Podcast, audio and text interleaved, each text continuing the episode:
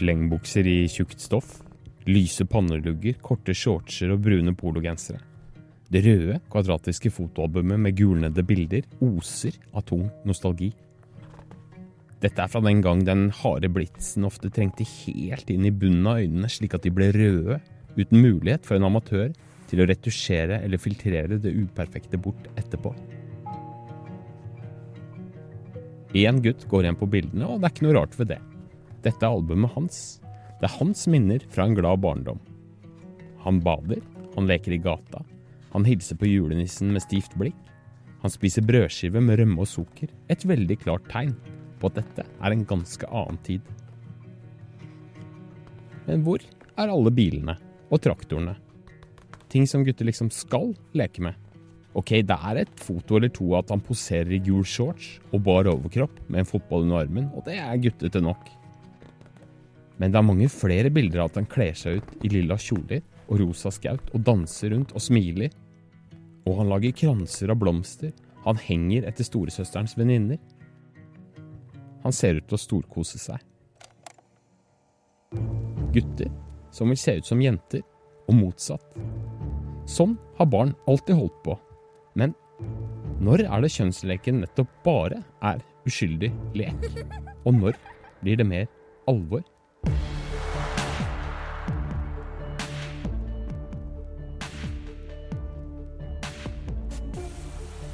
Vi skal snakke om et felt hvor det er veldig mange sterke meninger i dag, men kanskje ikke så mange gode, entydige svar. Eller hva sier du til det, Hedvig? Nei, det er rart, for det er et eh, felt som alltid har vært der. Jeg husker til og med tilbake fra min egen barndom, min nærmeste guttevenn, som elsket å komme og kle seg ut hos meg, og spesielt å bruke klipsene i ørene, altså de øredobbene, som jeg syntes gjorde altfor vondt, men han syntes jo vondere jo bedre, nærmest. Uh, han elsket å pynte seg. Uh, så nei, dette er jo ingenting nytt. Og at vi mener mye om det, har sikkert mange årsaker. Men noen ting vet vi. Mm. Noen ting vet vi. Men er det sånn at man setter et, en litt større lupe enn nødvendig på ting som har med brudd på tradisjonelle kjønnsroller i barnealderen å gjøre? Jeg tror vel at uh, det er uh, noen feller å gå i her. Uh, og den første, det er å tenke at alt som ikke er vanlig, er feil. Så, og den var det nok mye mer av i min barndom enn det det er nå. Selv om den finnes absolutt fortsatt. At du skal ikke bryte mye mot mainstream før, før det er rart, og før det blir sett på med litt skjevt blikk. Det er selvfølgelig en felle. Det finnes all slags folk. Men den andre fellen, det er jo å tro at barn vet veldig fort hvem de er og, og, hvordan de skal være. Hele barndommen er på mange måter en identitetsutvikling. Så en treåring vet svært lite om seg selv ennå. Eh, og det å få lov til å utforske og utprøve er en viktig del av barndommen. Og faktisk det samme med 13-14-15-åringen. Fortsatt, og kanskje spesielt da, i en prøve ut og teste seg frem for å finne hvem er jeg midt oppi alle disse mulighetene. Så jeg tror at den andre fellen er å for fort sette to streker under svaret og si at det er så modig og det er så flott at noen bryter, når det kanskje egentlig er nettopp dette vi snakker om nå. En måte å finne seg selv på som eh, vi bare skal være med på. Mm. Det kan jo arte seg litt ulikt i ulike aldersgrupper. Vi får prøve å dra oss litt gjennom alle, da. Hvis man har et barnehagebarn, hvor alle gutta vil være ute og kjøre traktor eller sånne motorsykler, i, mens din gutt vil gå i kjole og leke med jentene. Da må jeg bare si at det er ganske komisk, for jeg har hatt en der selv. Og som eh, toåring så var det én ting han ønsket seg mer enn alt annet i hele verden, og det var en dansekjole. Og det er klart, den der følelsen av en kjole på kroppen som uh, står ut når du snurrer rundt altså Det er jo en helt fysisk deilig følelse som jeg skjønner så godt at han lengtet etter. Uh, jeg var litt bekymret for hva mannen i mitt liv skulle uh, tenke om dette. så jeg kanskje ventet litt lenger enn det som hadde vært naturlig for meg. Men så en natt så våknet han opp og gråt og gråt og sa men mamma, jeg vil ha dansekjole. Ikke mannen min, altså, men den lille toåringen. Skjønner. Og så sa jeg til ham men det skal du jo få. Og da sa han Åh, og så sukket han, og så sov han videre. Og da sa jeg til mannen min du, jeg tror vi må kjøpe en uh, dansekjole. Og da sa kjæresten min da blir han glad. Ja. Uh, og det var jo akkurat det han ble. Han ble glad, det gledet ham. Og når han kom i barnehagen i denne kjolen, så var han så fornøyd og så vakker, rett og slett.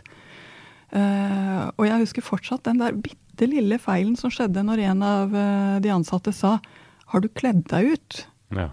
Og han, da fikk han et eller annet veldig rart i ansiktet sitt, og så sa jeg nei, han har ikke kledd seg ut, han har pyntet seg. Og da sa hun 'Å ja, selvfølgelig'. Og tok seg fort inn igjen og, og var med på, på, det som var hans virkelighet, nemlig 'nå er jeg fin'.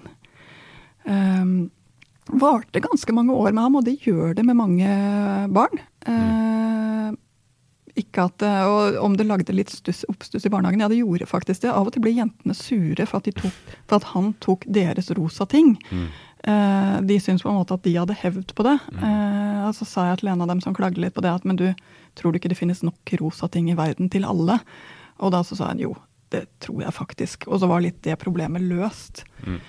Ehm, jeg bekymret meg jo litt, så, så hva jeg tenker for noe om dette Jeg tenker at veldig mange barnehagebarn er nettopp inne i den der prøve, finne seg selv, finne hva jeg liker. Han var alvorlig i forelsket i Hello Kitty. Mm. Og det må jeg bare si, det er jo lett å forstå. Og han er neimen ikke den eneste gutten som har vært forelsket i Hello Kitty. Både mange jenter og gutter er det. Så jeg tror nok at vi finner flere både jenter og gutter her. Og i gamle dager så var jo rosa, altså på 1700-tallet, så var jo rosa en guttefarge. Ja, var det det? Ja, fordi det var den fineste. Ja. ja. Eh, så da var det jo guttene som var forbeholdt den, mens jenter fikk bare sånn svart og grått og, og mørkeblått og sånn. Mm. For påfuglfargen var liksom forbeholdt påfuglkjønnet. Ja, han skulle bruse litt og være fjong. Ikke sant. Som den gangen var herrene. Så, så, det at gutter skal like blått og jenter skal like rosa, det er ikke noe forutbestemt i det. Eh, og jeg syns ikke heller vi skal gjøre det til noe større sak enn det det er. Nemlig at dette kommer de til å finne ut av. Eh, og så er det en del barn som går veldig langt i da å føle at de hører til i et bestemt kjønn. Det er det egentlig litt tidlig å si noen ting om. Eh, så jeg tenker at i barnehagealder så er det mye som handler om å rett og slett la barna få lov til å leke og pynte seg og være i det uttrykket de trives i. Ikke gjør det til et stort tema som handler om hvem de skal bli når de er 25, eller hvem de skal leve med, eller hvem de skal gifte seg med, om de kan få barn eller ikke barn senere i livet. Det er ikke der vi er. Vi er i det som handler om hvordan føler jeg meg fin, og hvor føler jeg meg hjemme.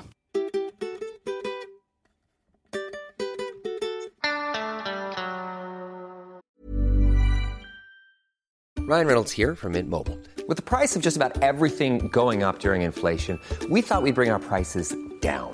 So to help us, we brought in a reverse auctioneer, which is apparently a thing. Mint Mobile unlimited premium wireless. Ready to get 30, 30, bit to get 30, bit to get 20, 20, 20, bit to get 20, 20, bit to get 15, 15, 15, 15 just 15 bucks a month. So, Give it a try at mintmobile.com/switch. slash $45 up front for 3 months plus taxes and fees. Promo rate for new customers for limited time. Unlimited more than 40 gigabytes per month slows. Full terms at mintmobile.com. En risiko er jo at man da blir litt sånn erta og mobba for dette her. Eh, og hvordan skal man liksom resonnere på det? Jeg tror det første å være klar over det er for barna er det viktigste hvordan foreldre og andre voksne reagerer. Så jeg tror faktisk vi som voksne har den viktigste jobben å gjøre her. Eh, og hvis du da får denne lille, bitte lille mikrosituasjonen som jeg hadde f.eks. med de sure jentene som syntes at, uh, at gutter ikke skulle ta deres Hello Kitty-ting, så er det jo bare å løse det på den helt barnslige måten, nemlig gå ned og se hva er det dette handler om. Kan vi diskutere det? Ja. Går det an å løse? Ja. Da er vi good to go. Eh, rett og slett se hva det handler om, og, og, finne en løsning på det. De er ikke veldig opptatt av om ting er guttete eller jentete. De er opptatt av å ha sine greier, er eh, min erfaring. Så det viktigste her er rett og slett at de voksne håndterer dette på en helt uh, rolig måte. Mm. Det er det aller viktigste. Og så er det det viktigste for barna. Og at hvis vi ser at det rører seg noe i barnegruppa som er litt usunt eller litt ugreit, at vi rett og slett løser det. Det må vi alltid, og det er et voksenansvar. Mm. Hvis dette vedvarer, eller hvis det brått treffer inn senere, da, den kommer litt opp i, i, i skolealder f.eks., stiller ting seg annerledes da? Altså jeg må si at ganske, Hvis vi nå Én ting er eh, gutter som føler seg som jenter. En del jenter har lyst til å kle seg i gutteting. Begge delene er helt fint. Eh, og jeg ser ofte at eh, jenter som har på seg mer med maskuline antrekk For det første så gjør de det på en ganske kul måte. Så det ser ikke så rart ut som det det høres ut når vi snakker om det. Og det samme med gutter som kler seg i mer typisk jenteting. De gjør det liksom på sin måte. Men det er klart, i barneskoleårene så begynner barna å sammenligne seg med hverandre. De begynner å eh, sette merkelapper på en ny måte både på seg selv og på hverandre. Så her trenger de i hvert fall at, eh, at man er litt sånn Ja, men det er jo du som velger litt også. Eh, jeg syns du er kul uansett, eller jeg syns du er fin uansett, eller jeg syns du er morsom uansett. Altså. Men du velger litt, eh, og så støtte dem i de valgene. Jeg ser jo at eh, det faktisk er ganske vanlig på de skolene som jeg er innom, eh, og ikke noe stor krise i det. Det er helt i orden. Og så kan du si at da kommer det store spørsmålet betyr det noen ting for deres seksuelle utvikling, altså utviklingen av seksuell legning. Eh, og det er nok sant at en litt større andel av de jentene som er ganske maskulint orientert i barndommen, Eh, kommer til å finne at de er eh, homofile når de kommer opp i puberteten og blir eldre. Eh, og det samme for guttene. Men det er ikke en 100 overlapp. Tvert imot. Det er ganske mange som, som ikke Altså det betyr faktisk ikke så mye som det vi tror. Uten at jeg syns at det spiller noe særlig rolle, for om barna blir dette eller hint, betyr jo virkelig ingenting for deres lykke og deres fremtid. Så ja, men jeg tror bare det som er viktig der, er å holde det åpent. Si ja, det kan være at det skjer, men det vet vi faktisk lite om akkurat nå. Så vi venter til puberteten setter inn og hormonene klikker inn. For det gjør det jo. Mm. Du sier det alltid har vært sånn, og det er vel helt riktig. Men det har i hvert fall kanskje har fått større oppmerksomhet. Og det som jo kan være oppfattes som et problem, er hvordan man som forelder skal Hva man skal, egentlig skal si i de ulike aldrene.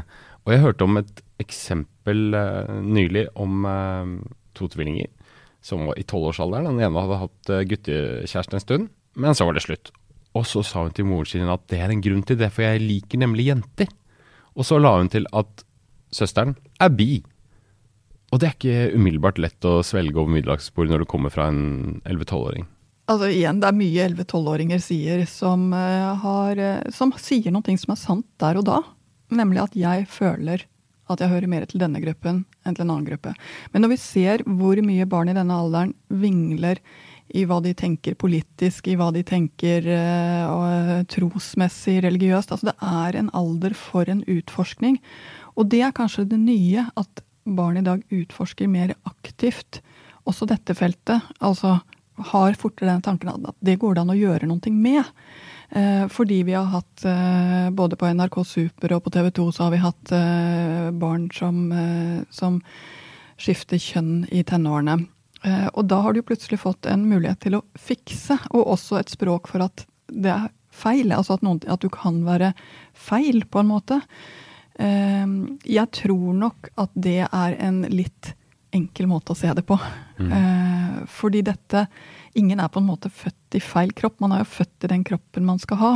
Men det å finne sin identitet, sin tilhørighet, sin trygghet, handler dels om hvem er det man treffer der ute sosialt, eh, og hvordan passer det med de følelsene jeg har inni meg. Og det er helt klart at en del barn får ikke til denne matchen av veldig mange forskjellige grunner. Og det er det som gjør dette spørsmålet litt kilent. Fordi ja, det kan være at det rett og slett bare er akkurat nå har jeg lyst til å kle meg litt på en annen måte og se hva slags reaksjoner jeg får på det, eller, eller, nå har jeg lyst til å prøve ut denne måten å tenke om meg selv på, og se hvordan jeg trives med meg selv. Som kan gå over, eller kan bli værende. Altså, det hører jo til de tingene vi ikke vet. Men jeg tror vi rundt skal være varsomme med å låse fast for tidlig. Det vil si vi skal si ok, fint, gjør det. Mm. Det er helt kult for meg. Du skal la dette få lov til å være akkurat der. Og så er det en andel som rett og slett Det er uttrykk for at de fungerer dårlig sosialt, mer enn at det handler om kjønn. Det vil si at vi ser at det er en ganske stor andel med Asperger-diagnose, eller mulig en lettere form for Asperger. Altså en sosial kontaktforstyrrelse, eh, som en andel av barna alltid har hatt, og sånn kommer det nok alltid til å være. Hvor dette har blitt noe å henge det på Mm. i en periode. Eh, det betyr jo ikke at ikke det for det første kan være sant, men for det andre, som er enda viktigere, det er at vi må se hva er det egentlig dette barnet trenger fra meg nå.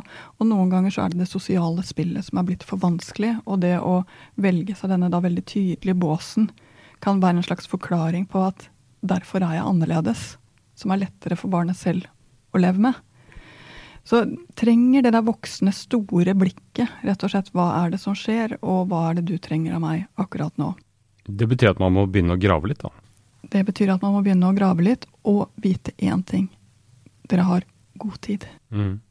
Ja, fordi Snakker du om noen spesiell alder nå, eller snakker du om uansett alder? eller? Jeg snakker om uansett alder, men der hvor de gjerne setter seg på en liten sånn stressskrue på dette her, det er når barna nærmer seg puberteten. Fordi en del av kjønnsskiftebehandlingen kan være å bremse puberteten, som er en ganske stor beslutning.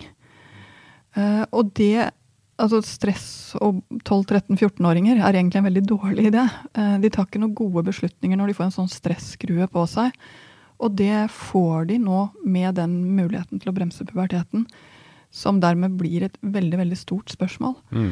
Eh, Men er dere der at dette store spørsmålet kommer opp, så må jeg bare si snakk med helsesykepleiere. Snakk med forskjellige altså kloke voksne som har sett dette før rundt dere. Eh, Det finnes foreninger, men husk også at du må på en måte ta til deg den informasjonen du kjenner er til nytte for din familie. Eh, For det er fortsatt du som forelder som skal passe på ditt barn. Det er ikke et politisk spørsmål, og det er vel kanskje det som er blitt litt fellen også. Eh, At dette er jo et stort identitetsspørsmål for det enkelte barn og for den enkelte familie. Eh, Men så er det nesten blitt en politisk kampsak. At det å få lov til å velge sitt eget kjønn, det er noe som er lett, det er noe vi må få lov til. Og jeg er jo i og for seg enig i det, bortsett fra at det er lett. Det er ikke lett. Eh, og det gjør at blir man for opptatt av at å ja, men når du sier det, så er det klart da er det eneste riktige å si så flott. Så går vi glipp av hele identitetsbiten for deg, for barnet, for, for dere oppi dette her. Og det gjør at eh, det er et, et følsomt tema som krever både litt tid og litt ro, og at du selv klarer å legge bort dine forutbestemte meninger i alle retninger. Men hva er den mest adekvate responsen? Jeg tenker Noen vil sikkert være sånn veldig liberale og, og, og, og løpe til Riksen og bytte navn i folkeregisteret, holdt jeg på å si med en gang. Eh, litt karikert, selvfølgelig. Andre vil kanskje gå i, i en slags forsvarsposisjon, så ender det med en sånn skyttergravskrig. Men er det, er det riktigere da å ha en tilsynelatende sånn laissez-faire, men likevel måtte grave litt og prøve å forstå og, og researche, eller hva? Altså, jeg tenker det at når eh, denne jenta sier det til mamma, så er mammas svar på det ja, ok. Det er egentlig bare en opplysning. Eh, Og datteren er ikke så opptatt av mammas vurdering. Hun er bare opptatt av at mamma ikke skal lage en stor kamp om det. Så der hadde jeg helt klart gått på den lente. Å ja. Eh, Og så vet mamma én ting, det er at dette er egentlig for tidlig å vite. Fordi det er så mye som endrer seg idet disse sterke kjønnshormonene skrus på med full styrke. Det er så mye som kommer til å vokse frem. Og noen finner ut tidlig sin seksuelle legning. Andre er langt opp i 20-årene før de finner ut av det. Det er så mange ting dette handler om, som gjør at det beste du kan gjøre som forelder, er å tenke jeg skal ikke la meg overraske av noen ting, og intet menneskelig skal være fremmed her i huset, så den er grei. Det er der du kan ligge. Eh, og hvis barnet kommer hjem og har en veldig sterk For dette kan være et veldig sterk fortvilelse, et veldig sterkt lidelsestrykk. Nemlig 'nå har jeg funnet ut hvorfor jeg ikke er som de andre gutta eller som de andre jentene'. Jeg hører rett og slett ikke til der. Altså Du hører selv hvor sterk, sterk denne beskjeden er. Eh, og da må jeg bare si, vet du hva, takk for at du forteller meg, og dette har vi god tid til å finne mer ut av, men vi hadde jo ikke hatt det hvis ikke du fortalte meg nå. tusen takk. Fordi det er en tillitserklæring i at du får lov til å vite noe så viktig som at ungdommen din eh, lurer på seg og sin identitet. Hva er det verste man kan gjøre i en sånn sammenheng, da? Altså igjen, Det verste er faktisk i to retninger. Ja. Det ene er å eh, si at nei, vet du hva, det er ikke sånn verden er. Det finnes kjønnes kvinnelige og mannlige kjønn, og du kan ikke holde på å velge det. Altså Hvis du går hardt inn i den litt eh, tradisjonelt konservative retningen, så det er klart, da mister du muligheten til å være til hjelp for barnet ditt. Du mister muligheten til å være med på denne veldig viktige identitetsreisen. Men du kan også gå feil i den andre retningen, nemlig være med på toget i altfor høy fart. Ja. For husk på det, at barn og ungdom spesielt, og spesielt ungdom, de, de kjører ofte ekspresstog eh, når de burde ha tatt eh, hest og kjerre. Eh, og som forelder så er det din jobb å, å, få dette til å gå ned på et tempo hvor det er håndterbart. Så eh, du trenger ikke å bli aktivist og kaste deg foran barnet i tempo. Du trenger å si, vet du hva, jeg blir med. Og jeg bremser ikke, men jeg ligger heller ikke foran. Eh, dette skal vi finne ut sammen. Vi har jo mer eller mindre bevisst et bilde av hvordan vi vil barna skal være, tror jeg. At de skal f.eks. bli gode i fotball. Du trenger ikke si det høyt, men du kan tenke det hardt inni deg. Eh, være sosiale og leke med de andre i gata, og ikke sitte der for seg selv og, og fikle med en uh, pinne. Og så brister drømmebildet. Og når det kommer til denne type tematikk, så kan det jo gi en ganske stor form for eh, skuffelse, sorg, kanskje.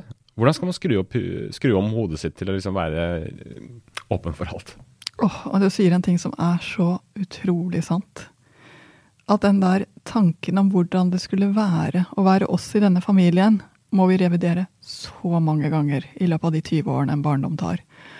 Og da, jeg har også håpet at barna skulle f.eks. elske å bake og lage mat og øh, være med på å holde orden i hjemmet.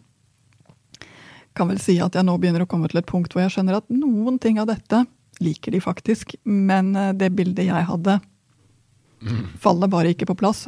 Og det er jo faktisk litt grann en sorg. Litt grann en sorg. Uh, for ja, det fellesskapet jeg tror jeg hadde kjent Eh, med et sånt barn får jeg jo ikke lov til å kjenne på. Og det samme når du tror at du har fått den eh, vidunderlige piken med, som du kan pynte på den måten du selv hadde hatt lyst til å bli pyntet som barn, så kan det faktisk være at du får en jente som er helt, helt uinteressert mm, så i pyntingen. Om at de skal shoppe sammen og den type ting som jeg ofte hører mødre sier når de får For jenter. Ja, og gå på kafé og mm, Det kan godt være at det ikke blir sånn i det hele tatt. Som en analog til fotballgreie med menn, da. Ikke sant. Eh, men det jeg har oppdaget nå, siden eh, jeg, tross alt mine barn begynner å bli litt eldre, det er at det skjer en veldig positiv ting når de blir unge voksne. Ja. De får inn kjærester. og det viser seg at det faktisk er en måte å utvide barneflokken på, og du kanskje til og med får inn noen ting av det som eh, du har hatt for lite av i de ungene som ble sånn som de ble.